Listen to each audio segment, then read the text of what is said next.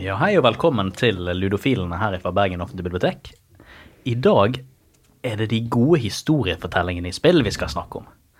Så vi får se om det er gode historiefortellinger dere har, eller om jeg er uenig med dere. Som dere hørte kanskje allerede, så sitter jeg ikke her alene. Men jeg kan introdusere meg selv først.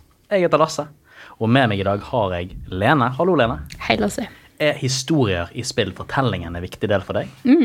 Definitivt. Da gleder jeg meg å høre hva du sier. Hva med deg, Marius? Er fortellinga noe du går etter, eller er det gameplay som er din greie? Jeg er veldig interessert i gode historier generelt, så når det kommer til spill, så er jeg veldig interessert i at det skal gripe meg, og historien er der eh, ofte til eh, at spillet blir bedre. Ja, Så langt to av tre. Er du da den stemmen som står mot Helene? Er du, tenker du at fortellinger det har ingenting å gjøre i spill? Historie, hva er det for noe? uh, dessverre nei. Jeg er enig uh, med Men eh, vi kommer nok litt inn på det, da. Men har, kan også akseptere historie som ikke er i selve spillet. Ja vel, Hva tenker du da?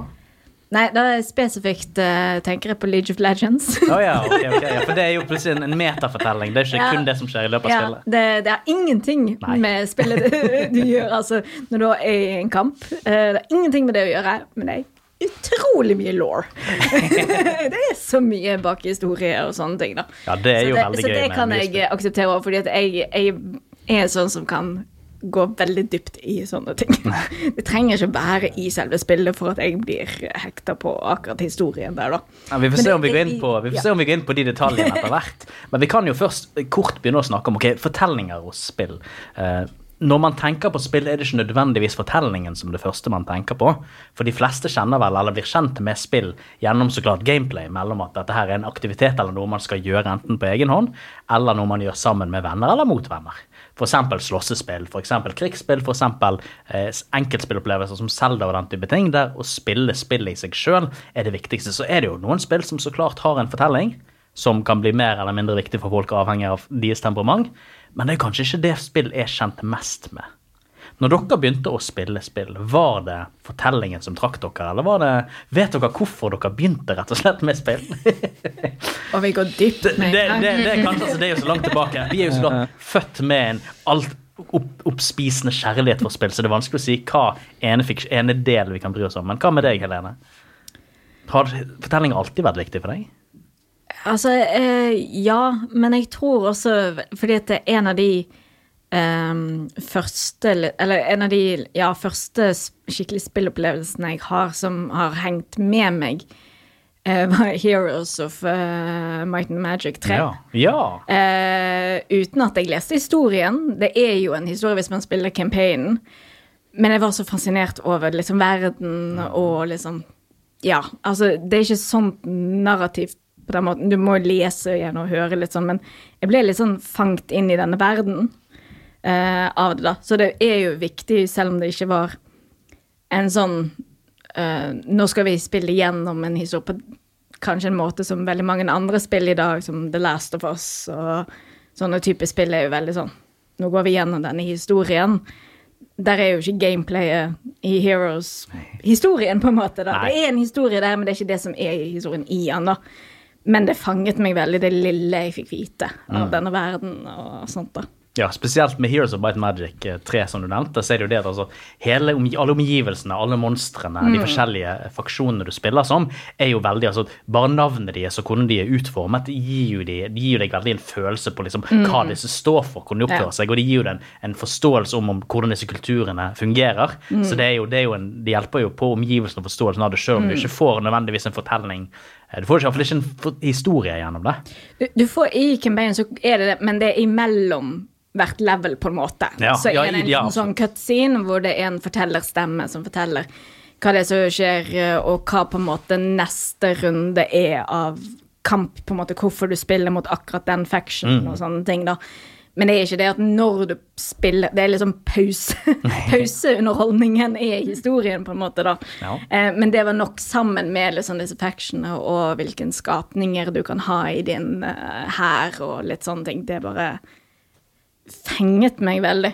Ja, for nå, nå, Dette understreker også altså, hvor forskjellig man kan eh, angripe eller oppleve et spill. fordi altså, Du har jo spilt eh, mer enn meg, virker det som, eh, singleplayer-kampanjen i Heroes-spillene.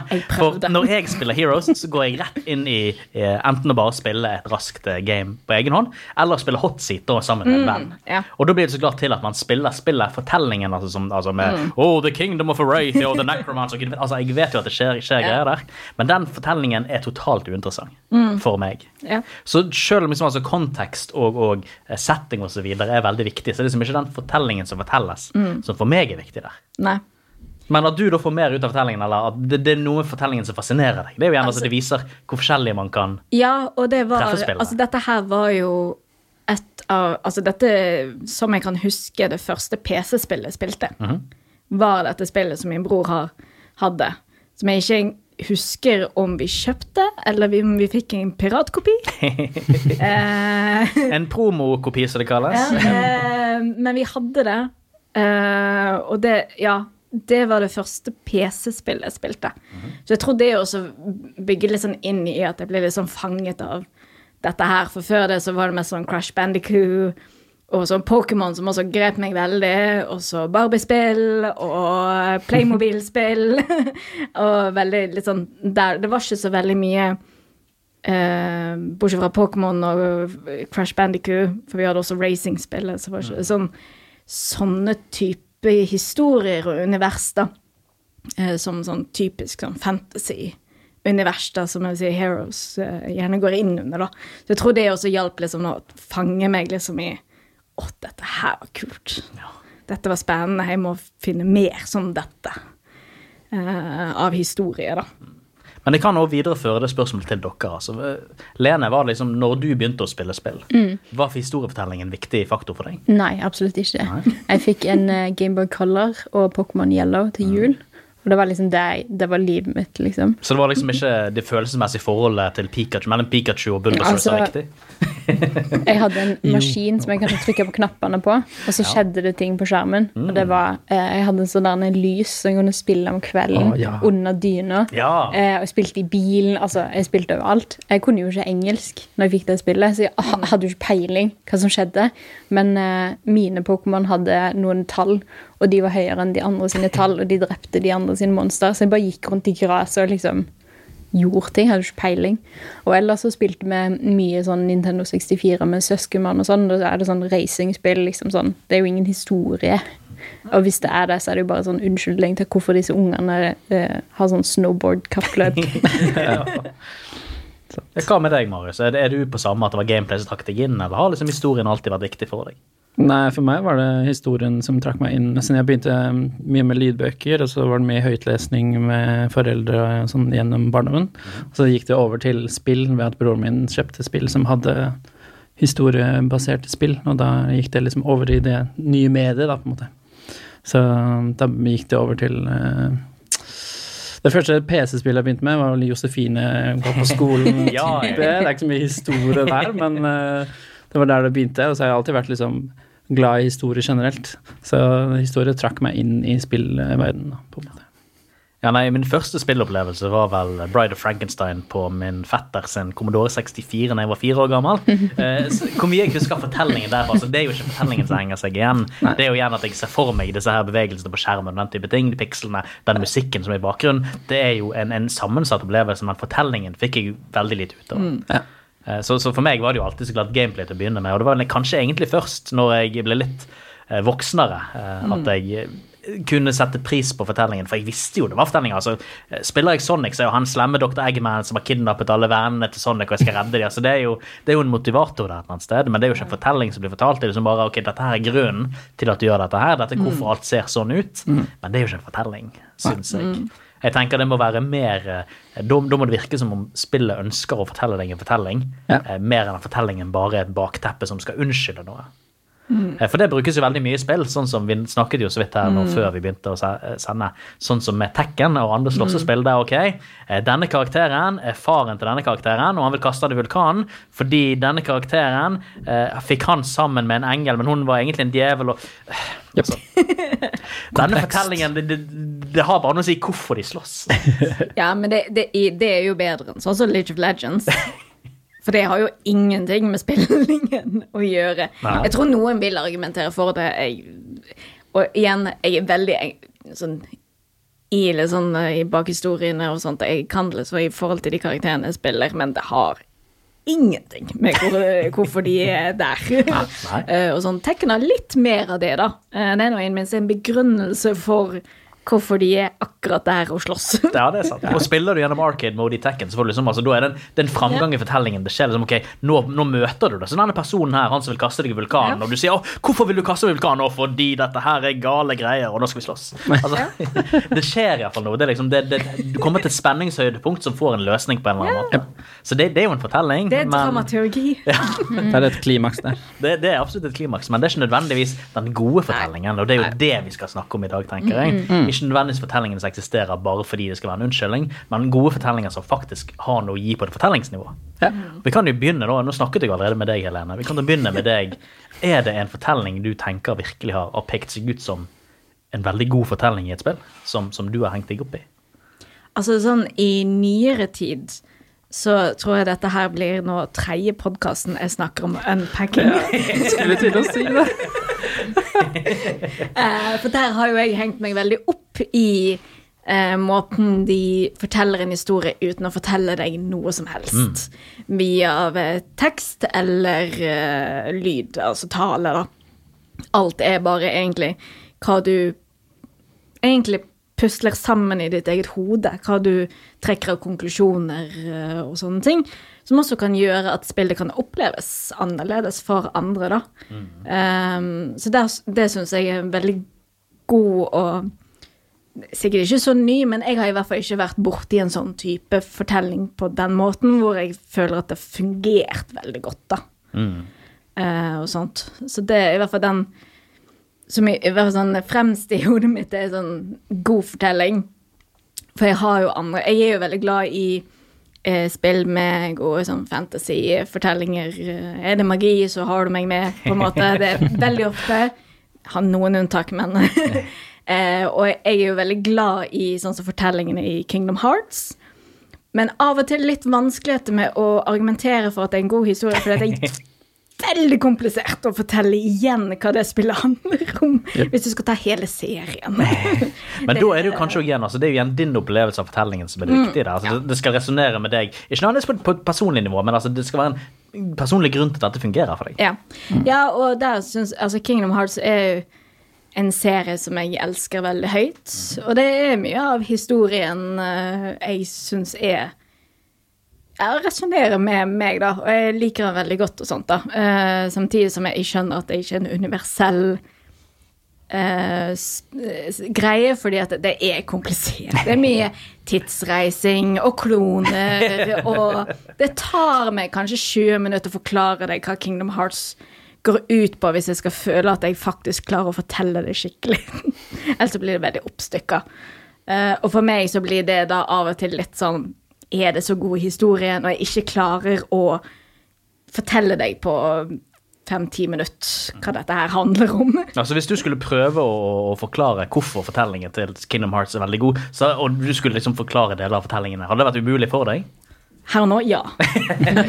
Gi meg eh, 20 minutter prep, så kanskje.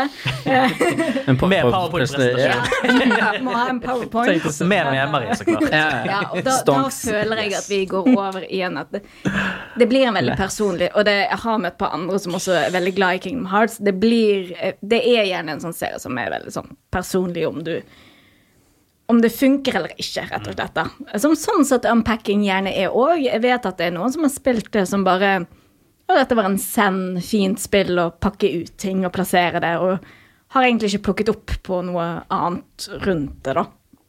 Men dette viser jo også, altså, de, de to tingene du nevnte, er jo to veldig forskjellige måter eh, som spill kan fortelle fortellinger ligger veldig effektivt på. Altså Det med unpacking, der er det jo egentlig hvor mye du sjøl ønsker å lete fram, eller hvor mye du ønsker å, å, å, oppfatte. Ja. Det er jo en sånn veldig implisitt historiefortelling. Ja, ja. Eh, Det er kanskje en litt rar sammenheng, men da sammenligner du med Dark Souls, tenker jeg. Ikke si det. Elden Ring.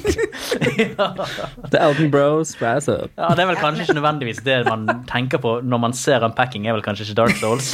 Eh, Men fortellingsmessig Ja. er jo det mye det, det, samme, det er bare at Dark Souls og sånt blir litt i min, i min, mitt hode blir litt for stort å skulle drive og lete etter historie, da. Ja. I forhold til unpacking som du spiller på tre timer. Ja, absolutt. Det, det er jo en helt annen dimensjon, men måten de forteller Men jo da, fortellingen eh, og jeg ser eh, den i at det er noe som er veldig appellerende for veldig mange. For, det er, for jeg har jo drevet og søkt på sånn som så Demon Souls, eller Dark Souls og eh, Elden Ring på historie.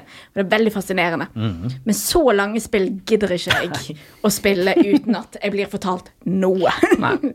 så jeg har en litt sånn greie Unpacking perfekt til til den type ting. I hvert fall for min del. Eh, når det er en sånn historie, sånn som Elden Ring og sånt, der må du komme med litt mer. Er det kanskje da litt lengden? altså, altså Unpacking eh, med implicit historiefortelling, eh, eller mindre aktiv kanskje iallfall, mm. der, siden det er såpass en kort bite-sized opplevelse, så er det enklere for deg å bare plukke opp ting underveis. Men skal det være lenger, så vil du ha ting litt mer fortalt direkte? ja, og igjen for å bruke litt sånn Ellen Ring og Dark Souls, eh, da er det litt sånn Jeg tror for min del så er det bare at det er så stort at jeg føler at det blir for mye som jeg skal prøve å lete frem, da. Ja, du bør ha en bok å skrive ned i, for å si det sånn. Eh, men jeg skjønner veldig godt at noen syns det er veldig eh, bra, og det funker for de. Igjen, det blir litt sånn som i Kingdom Hearts, hvor jeg skjønner veldig godt at det funker ikke for alle. eh, med en så komplisert og frem og tilbake og masse sånn der eh, 2,- eh, 1,5-spill og Ja. mye greier, da. Eh, så for meg så blir det sånn Souls-spillene, da.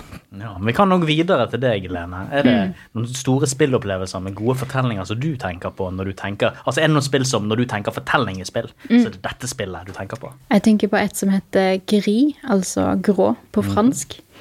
Eh, veldig fransk spill. Em, du er en eh, kvinnelig hovedkarakter som er tydelig påvirka av et eller annet, og så er spillet helt grått. Og så underveis som du oppdager liksom nye evner, så kommer liksom blåfargen tilbake, eller rødfargen, og så liksom bygger det seg opp. Eh, og det forteller veldig fint en historie om eh, Du får egentlig ikke noe svar på hva som har skjedd, og sånn, men det er en veldig sånn avslutta, sånn fin, sånn eh, nydelig opplevelse som ikke kan eh, formidles på noen annen medie enn spill. Som eh, jeg umiddelbart tenkte på. Vil du spoile litt? eh, Det kan jeg kanskje også nevne allerede, siden vi snakker om fortellinger i spill her. Eh, Du har, nå har vi vært veldig snill så langt med hvor langt vi har gått ned i hva vi har snakket om, men det kan jo hende at en del av det vi snakker om, her kan spoile en del sånn viktige plotlines og sånne ting.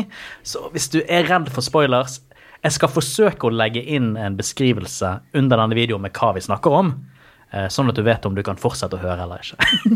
Men ja, hvis du skal si om det er noen viktige plotlines du kan spoile Jeg tror egentlig ikke at den bør spoiles. Jeg tror Nei, den bare bør oppleves. Den er ikke sånn langt spill. Eh, så jeg tror hvis, eh, hvis man f.eks. har likt unpacking, så vil man kanskje like den. At det er litt sånn at um, det er på en måte ingen fasit som ligger ute noen plass, selv hvis du googler. Eh, så det blir litt sånn forumposter der noen er sånn 'Å, jeg, jeg tenkte at kanskje det var dette', og så tenker du ja, men kanskje det var litt mer sånn, for det, det var noen fugler i den scenen. Altså, det blir veldig sånn, da. Em, Og Det høres da ut som det er veldig altså, på personlig fortolkningsnivå. Mm. Ja, det er jo veldig Absolutt. Jeg likte det veldig godt. Det er veldig, veldig veldig pent. Ta, du må ta og dele navnet med meg etterpå, for jeg kan ikke fransk. Eh, det, det skrives gris. Altså som i norsk eh, gris. Ja. okay. ok. Grå på fransk. Tok du forresten fransk på skolen? Når du? Nei. Nei, ok. Uansett. Marius, gode fortellinger i spill. Eh, ja. Er det noe som peker seg ut over alt annet for deg? Eh, akkurat nå om dagen så er det jo Last of Us, fordi TV-serien går. Eh, men jeg har også tenkt på Final Fantasy. Mye Final Fantasy 10 har jeg spilt mye av i det siste. Det er liksom kjærlighet, uh, dad's approval, alt Det var den umulige kjærligheten. Ikke bare kjærligheten, den umulige kjærligheten. Eh, og så har jeg også tenkt på Celeste. Ja. Eh, som der handler det om at hun uh, sliter litt med anxiety og prøver å komme seg gjennom de ulike tingene. Eh, så det er flere historiebaserte spill som jeg syns uh, gjør seg bra, og liksom trekker deg inn i spillet mer enn bare nå skal vi trykke og hoppe og gå videre, på en måte. Så Men er historiefortellingen, foretrekker du da at historiefortellingen her skal være aktiv? At han kommer Ikke nødvendigvis kontinuerlig, men at han hele tiden kommer til deg? Eller foretrekker du å leite etter fortellingen mellom, mellom det som skjer? Eh, For min egen del syns jeg det er greit at den kommer litt uh, til meg. Eh, Jeg slipper å lete så mye. Jeg liker også Elden Ring, selvfølgelig, men uh, at den blir litt fortalt, at den gir meg litt mer uh, progresjon i historien. At den liksom, når du gjør en ting, så er det sånn Å, nå går vi videre i historieforløpet. Er det liksom noe som tiltrekkes jeg spesielt, da. Mm. Ja, for egen del, eh, første gangen jeg egentlig opplevde at, at spillmediet kunne være en god uh, fortellingsforteller Ja, det var en veldig god eh, formulering. Eh, Det var jo når jeg spilte Final Fantasy 3 uh, på Super Nintendo for gud vet hvor mange år siden. Uh, for det var jo så klart det første. altså Før hadde jeg jo spilt mye RPG-er og mye, altså, mye konsollspill og andre spill.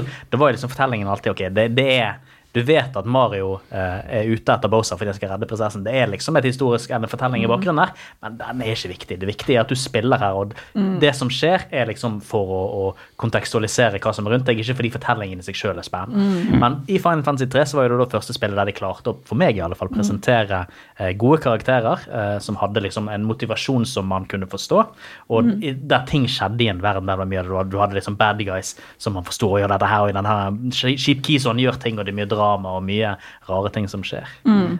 Så dette her var jo så klart min, min oppvåkning om at spill òg kunne ha eh, en større dimensjon enn bare gameplay, at det var mer dybde i spill. Og jeg tror det er mange som spiller spill som ikke nødvendigvis har nådd det stadiet ennå. Altså, de bare spiller spill som en aktivitet. Ja, og der, der fikk du meg til å tenke på et spill, og her kommer et spill som uh, spoilers. Eh, Braid. Ja. Ja. Som er jo et sånn Når du ser på det overfladisk, og når du bare spiller litt av det, hvis du ikke spiller hele spillet, så vil jeg si at det er veldig sånn av den klassiske Super Mario-type. Det er litt sånn plattform, og du skal komme deg videre, og du skal redde prinsessen. Og så viser det seg på slutten at det er du som er slemmingen. Og den som var the bad guy, er faktisk ridderen i shining armor som eh, redder prinsessen. Så ting Måten Når du spiller, så går du egentlig i revers. Eh, og litt sånne ting, for han har en sånn eh, kraft med å reversere tid og sånne ting, da. Så der har du litt sånn Det virker veldig rett frem, og så kommer du til slutten, og så bare spinnes alt på hodet. Eh, som gjør han da til bare sånn Ja, det var et greit spill, det er en fortelling der, og bare sånn Oh, det er enda mer fortelling her, eh, som jeg likte veldig godt da, med at det er ganske så enkelt, tradisjonelt, sånn det man gjerne kanskje tenker spill hvis man ikke er veldig i spill og sånt, da, og så bare snus det på hodet. Det er jo en veldig veldig god plot twist. ut som. Ja, altså, det det begynner er- sånn at du, du spiller karakteren. Vanligvis skal du empatisere med den, den karakteren. eh, Med mindre så klart noen vil jo ønske at man ikke gjør det. Men her virker det jo som de gir deg ingen, ingen eh, forventninger om at det er en uvanlig her, før du kommer et stykke ut. Nei, det er egentlig bare Altså, eneste sånn hintet er at du har må, mulighet til å reversere liksom tid. Men du får ingen inkling, en, eller det at uh, sånn bad guy går i en rustning. Så du kan tenke litt sånn shining armor, at det er egentlig han som er good guy. Men det kan også være bad guy. Altså, du får liksom ingen sånn før du kommer til slutten, og så reverseres alt på nytt. Og ja. Nei, det, det er veldig Veldig god Jeg hadde i hvert fall en veldig god uh, historieopplevelse av den tvisten, da, eh, på spillet, på historien. Kommer dere andre på noen gode spill med noen gode plot twists som, eh, som, har, som har virkelig pekt seg ut som en god del av fortellingen? Nå kommer jo skatt dette her, dette var et ganske sidestilt på hva vi egentlig skulle snakket med. Så jeg vet ikke hva dere har, om dere har tenkt på det, eller om det er noe som kommer fram i minnet. Nei, altså Marius har jo eh, en veldig forberedt eh, notatbok. Noen er godt Som jeg har eh, sett litt på over skulderen. Og og Bioshock står jo der. Yep. Ja, det er jo sant. Yeah. Spoiler alert. Spoilers, der er spoilers. Yep. Men altså, tenker hvis folk ikke har spilt det til nå Ja, det er jo Når kom det originale Bioshock ut? Det begynner å bli noen år siden. Jeg har jeg. har Ja. lyst til å si det var 2005-2006. Det er faktisk godt mulig at det er såpass lenge siden.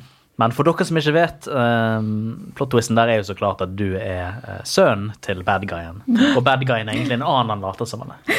Ai, ai, ai. Så når du, han du har prøvd å hjelpe hele veien, en helt annen person, og den andre personen er egentlig slem, og du er adoptiv sønn som trengte å være der, og bla, bla, bla. Og, Sant. Ja, og så er det jo et Star Wars-spill. Ja. Ja. Eh, jeg husker ikke hvilken, er en av de eldre hvor det viser seg at du er den mystiske eh, Darth et eller annet. Stemmer det. Eh, sånt, Er det der protagonistene heter sånn Star Killer eller et eller annet sånt nå? Og så er det bare sånn plott ja Force, Force Awakens, er det ikke? Er ikke det Force Awakens? Nei, Force Awakens er han som ser ut som han har blitt slått i fjeset med en spade. Det forklarer ingenting. Spoilers nå. Men jo, jeg tror det er beryktede Starkiller. Uh, det var Starkiller is evil? What? Ja, for det, der går liksom historien uh, Fordi at du er en Jedi som ikke har minner. Mm. Du eh, har minnetap. eh, Og så har han to sverd, kjempetøff. Yeah. Eh, og så mot slutten av spillet eller noe sånt, da, så finner jeg ut Fordi det har vært litt sånn denne beryktede personen som plutselig forsvant. eh, når du mistet hukommelsen din.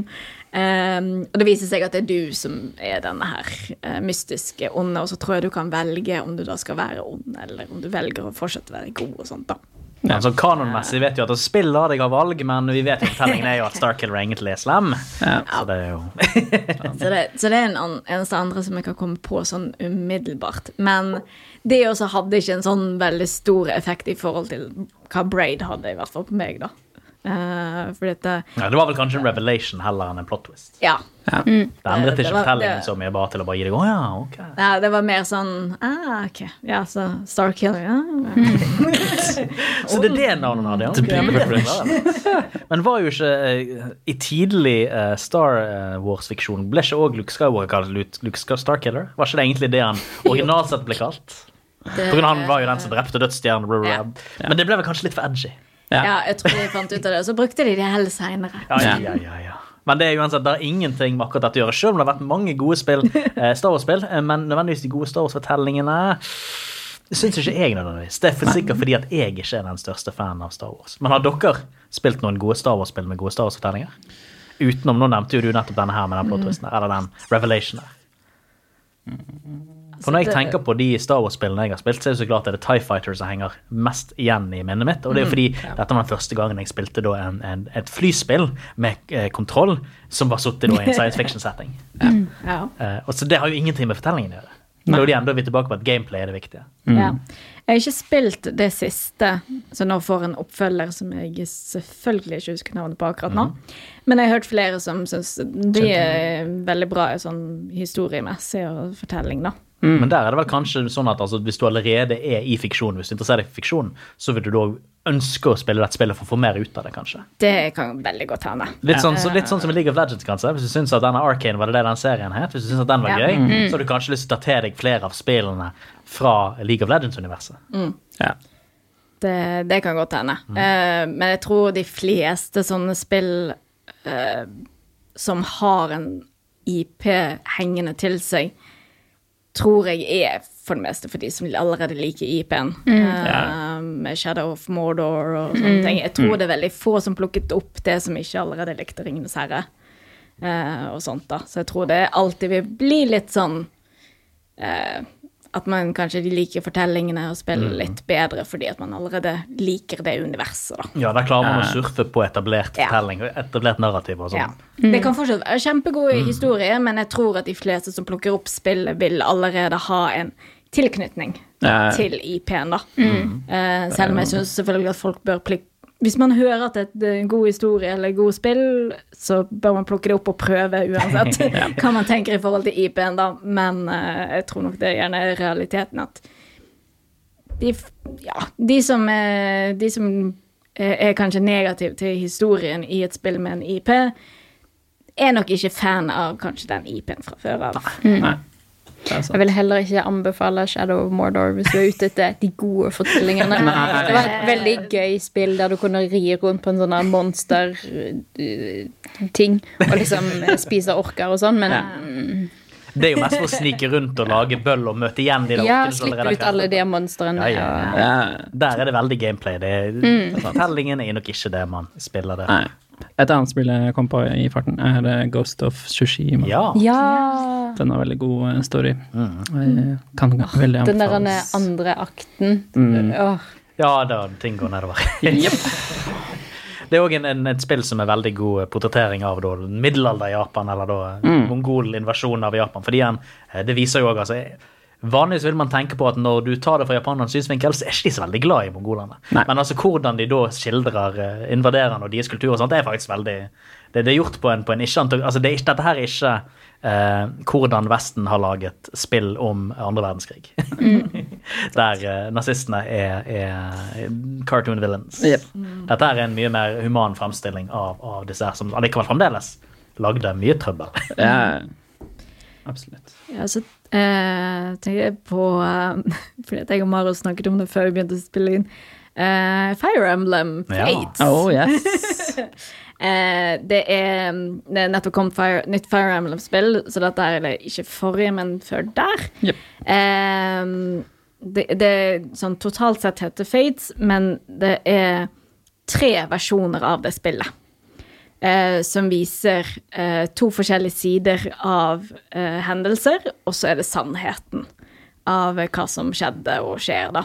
Så for å få liksom hele historien må du ta Fordi det er da to kongeriker som er, går i krig, eh, så de har jo selvfølgelig hver sin side av hendelser som har skjedd i fortiden og sånn. Så du, når du spiller igjennom det ene, så får du deres versjon, og spiller det andre, så får du de, og så er det det tredje, der får du hva som faktisk skjedde. Hvor du da på en måte blir nøytral i denne konflikten, da. Mens i de andre så tar du sider og sånt. Og det syns jeg de fikk til så utrolig bra. Eh, den måten å fortelle eh, historien på, for det kunne ha gått veldig galt. ja. Når du skal ta det opp på den måten at eh, Ja, med tre spill er jo ganske ambisiøst. Ja. For det blir jo tre spill fordi at du får Du får ikke alt i de to første versjonene, du får, men sammen, alle tre, så får du den fulle historien om hva som faktisk har skjedd, og alle hemmelighetene og sånne ting. da. Så det også syns jeg det var en sånn eh, nesten revolusjonerende med historiefortelling for meg. Igjen, det blir veldig mye sånn Dette var nytt for meg, eh, men eh, den sitter også veldig sånn hver gang jeg nå spiller et Fire Emblem-spill, så er det egentlig det spillet jeg har lyst på på nytt. Såpass mye satt det liksom i meg i måten de fortalte den historien. Ja. Og det er jo dessverre ofte en engangsopplevelse, fordi det er jo denne gangen du opplevde denne fortellingen. Men jeg leter etter den for gode ja. fortellingen igjen. da. Det trenger ikke være nøyaktig det, men at noe skal påvirke meg på den måten, da. Ja. Eh, som dessverre ikke Fire Emblem har gjort eh, igjen foreløpig, men jeg leter alltid etter den opplevelsen, da, av en historiefortelling. For jeg føler at det er det Og jeg fikk litt med unpacking, da. Fikk en sånn ny sånn wow, med en ny type måte å fortelle historie I hvert fall nytt for meg, da.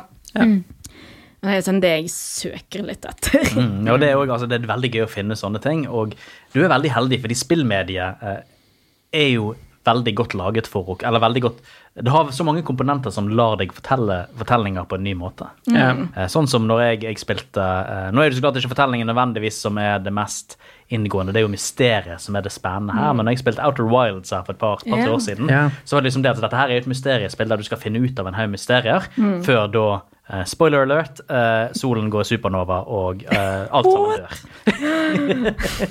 det er et fantastisk kult spill, og så har du liksom også de, de 22 minuttene eller hva enn det er, på å liksom finne ut ok, hva har skjedd, hvorfor går denne solen i supernova, Eh, og så skal du liksom finne ut alle disse sammenhenger for masse mystiske planeter rundt omkring og sånne ting. Og liksom, du får en fortelling fortalt liksom, hva som skjedde i fortiden, hva ledet til at alt dette skjedde, hva kan jeg gjøre? Og det som også er kult gameplay-messig, er at altså, det du begynner med i spillet, vil òg være det du avslutter spillet med. Du vil aldri få noe framgang gjennom at du blir sterkere, du blir bedre for utstyr. Det du begynner med første gangen du spiller, og det du avslutter spillet med. Fordi du får aldri noe av spillet. Det eneste du får, er kunnskap. Det eneste du får, er historiefortelling som forteller deg hva som har skjedd, sånn at du kan fortolke situasjonen foran deg bedre. Og det er jo gjerne at dette, når jeg satt med ned og spilte det, sånn, ok, dette her, han forteller jo en fortelling til meg på en helt ny måte. Jeg har ikke Ja. opplevd fortellinger på denne måten før. Dette er jo sinnssykt kult. Ja. Så jeg tror jeg har spilt spillet sikkert ikke mer enn 8-9 timer. eh, som er tilsvarer 30 eller noe loops med de her 22 minuttene. Ja. Men altså, det er jo mer enn nok tid til å likevel si at dette her er en av de ja, ja. beste fortellingene jeg har opplevd i et spill. Ja. ja, for jeg, altså, jeg er veldig glad i jeg de ja, tradisjonelle liksom, forteller, fortellingene og sånne ting. Men det er jo For min del så er det de som dette var nytt for meg å oppleve, som gjerne sitter igjen, da. Ja. At, eh, og det, det er jo gjerne det som er Som skiller spillmediet når det gjelder historiefortelling fra andre typer medier, er jo akkurat at det kan være nyvinnende på veldig mange måter, da. Eh, selvfølgelig, det er måter å fortelle historie i en bok som er annerledes enn å bare lese fra første side til siste side, eh, for all del, men det er mer begrenset, og med film eh, og sånne ting i forhold til spill. Der har de Det er mer en lekeplass med historiefortelling, føler jeg. Du Ja. kan få Du kan faktisk drive og lete etter den nye måten å oppleve denne historien på Ja. enn i andre medier, føler jeg, da. Mm. At der er det større sjanse for å finne det, i hvert fall. Eh, I forhold til veldig mange andre, da. ja. Absolutt. Nå begynner vi oss nærme oss slutten her, men jeg tenkte ok, uten å gå altfor dypt inn i materien um, Det er ofte vanskelig å kunne velge ut hvilke spill man skal prøve å satse på, fordi det er så mange spill. Man vet ikke nødvendigvis hvilke som har den gode fortellingen. Hvis dere veldig kort skal komme med en eller to anbefalinger hver på at dette her er en spillopplevelse med en fantastisk fortelling som dere må oppleve, hva ville dere sagt? Nå kan vi begynne med deg, Lene. Eh, jeg føler de vi allerede har snakket om. Ja. Em, og eh, når meg og Simon nettopp spilte gjennom God of War eh, Ragnarok Ja. mm, Jeg er litt usikker på om jeg kommer til å tilgi det spillet. Eh, den, det, altså, alle følelsene er i, i sving. Hvis det ikke er for spoiler og spoiler sånn de første ti minuttene, så liksom starter det med at den ene kjæledyrsulven dør. Um, og jeg var litt sånn Jeg vet ikke om jeg kan spille dette spillet. altså, det går ikke bra. Um, men det er veldig bra karakterer og sånn. Eh, hvis du likte det første, så kommer du til å like det andre. Ok, Hva med deg, Marius? Er det et spill som du syns at absolutt folk må spille for å få med seg fortellingen? Uh, Undertale Ja. er absolutt et å anbefale. Og så tenkte jeg på et godt uh, spill som er tatt ut fra et annet medie, som kommer fra bøker, er eh, Witcher-spillene. ja. Witcher 3 Wild Hunt spesielt er eh, Nå fikk jeg lyst til å lage den der Quest-lyden, men jeg tror ikke jeg skal. Gjør det. Hva med deg, Helene? Har du eh, noen siste anbefalinger til de som ser etter den gode fortellingen i spill? Unpacking. Nå er jeg Kingdom Hearts. Eh, jeg alltid prøver Kingdom Hearts. Det, uh, Altså, Hvis du vil understreke de du allerede har sagt, så må jo du absolutt Eh, gjøre det. ja, jeg vil jo gjøre det, da. Uh, men sånn sett så vil jeg jo også hive ut en anbefaling med Dragon Age. Ja. Som jeg syns også er en fantastisk eh, Inquisition. eh, historie. Og eh, roleplaying med faktisk valg som har konsekvenser. Gjennom hele spill, altså alle spillene òg. Eh, om du har spilt første og andre, så har det konsekvenser for tredje. Veldig spent på hvordan det vil ha konsekvenser for fjerde spillet, som forhåpentligvis kommer ut i år. Yes. Em, så ja, hvis du liker liksom tradisjonell fantasy eh, og ser etter en ny serie, Dragon Age. Ja. Ja. For egen del så er det to spill jeg alltid må anbefale når jeg snakker om de beste fortellingene i spill. Og det er jo så klart Planescape Torment, det klassiske eh, CRPG-spillet, der du da spiller som The Nameless, en person som våkner opp i et likhus. Har ingen idé hvem han er, veldig stereotypt. Og skal du begynne å grave inn i fortiden og finne ut hvem han er, hva han har gjort, hvem er disse menneskene som letter etter han, hvorfor er det noen som prøver å ta livet av han. Og du kommer da veldig dypt inn i bakhistorien på liksom hva mennesket han har vært før, hva han har prøvd å gjøre tidligere, og liksom hvorfor hele kosmos prøver å utslette han og alt mulig sånne ting.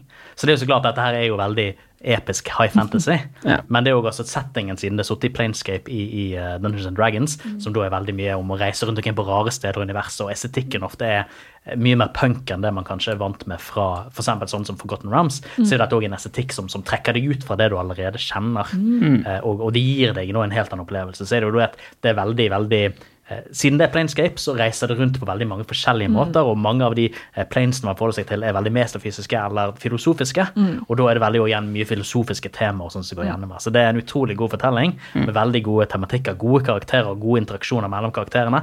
Veldig rørende til tider òg, så det er absolutt en fortelling som må gjenoppleves hvis dere har opplevd den før, eller dere må oppleve den hvis dere ikke har tatt og lest, vil jeg sagt det. Det er veldig mye lesing i dette spillet. Dette er jo rimelig gammelt. Eh, Det kom vel ut rundt 2000, har jeg lyst til å si, men det har fått en oppdatering der de kjører på nyere hardware. Eh, Så unn dere den opplevelsen. Det andre som jeg må anbefale, er jo Nier Automata, som Ja. er en nyere Uh, Spectacle Fighter, kan du vel si. Men der er også igjen historiefortellingen, musikken, det som skjer, tematikken rundt, er jo det som gjør spillet. Det er mye mye bedre enn gameplay i seg sjøl, selv, selv om gameplay er veldig veldig bra. Eh, Der må du egentlig bare sette deg ned og begynne å spille, og du har ingen grunn til å la være. Men det er vel egentlig der eh, vi må gi oss for i dag, for nå så jeg at det var en litt utålmodig Grim som sto utenfor døren utenfor her, så vi må nå gå videre på programmet i dag. Tusen takk for at dere var med, Lene, Helene og Marius. Jeg heter Lasse. Jeg kommer til å fortsette å hete det, og vi var ludofilene her på Bergen Nattbibliotek. Ha det bra. Ha det. Ha det.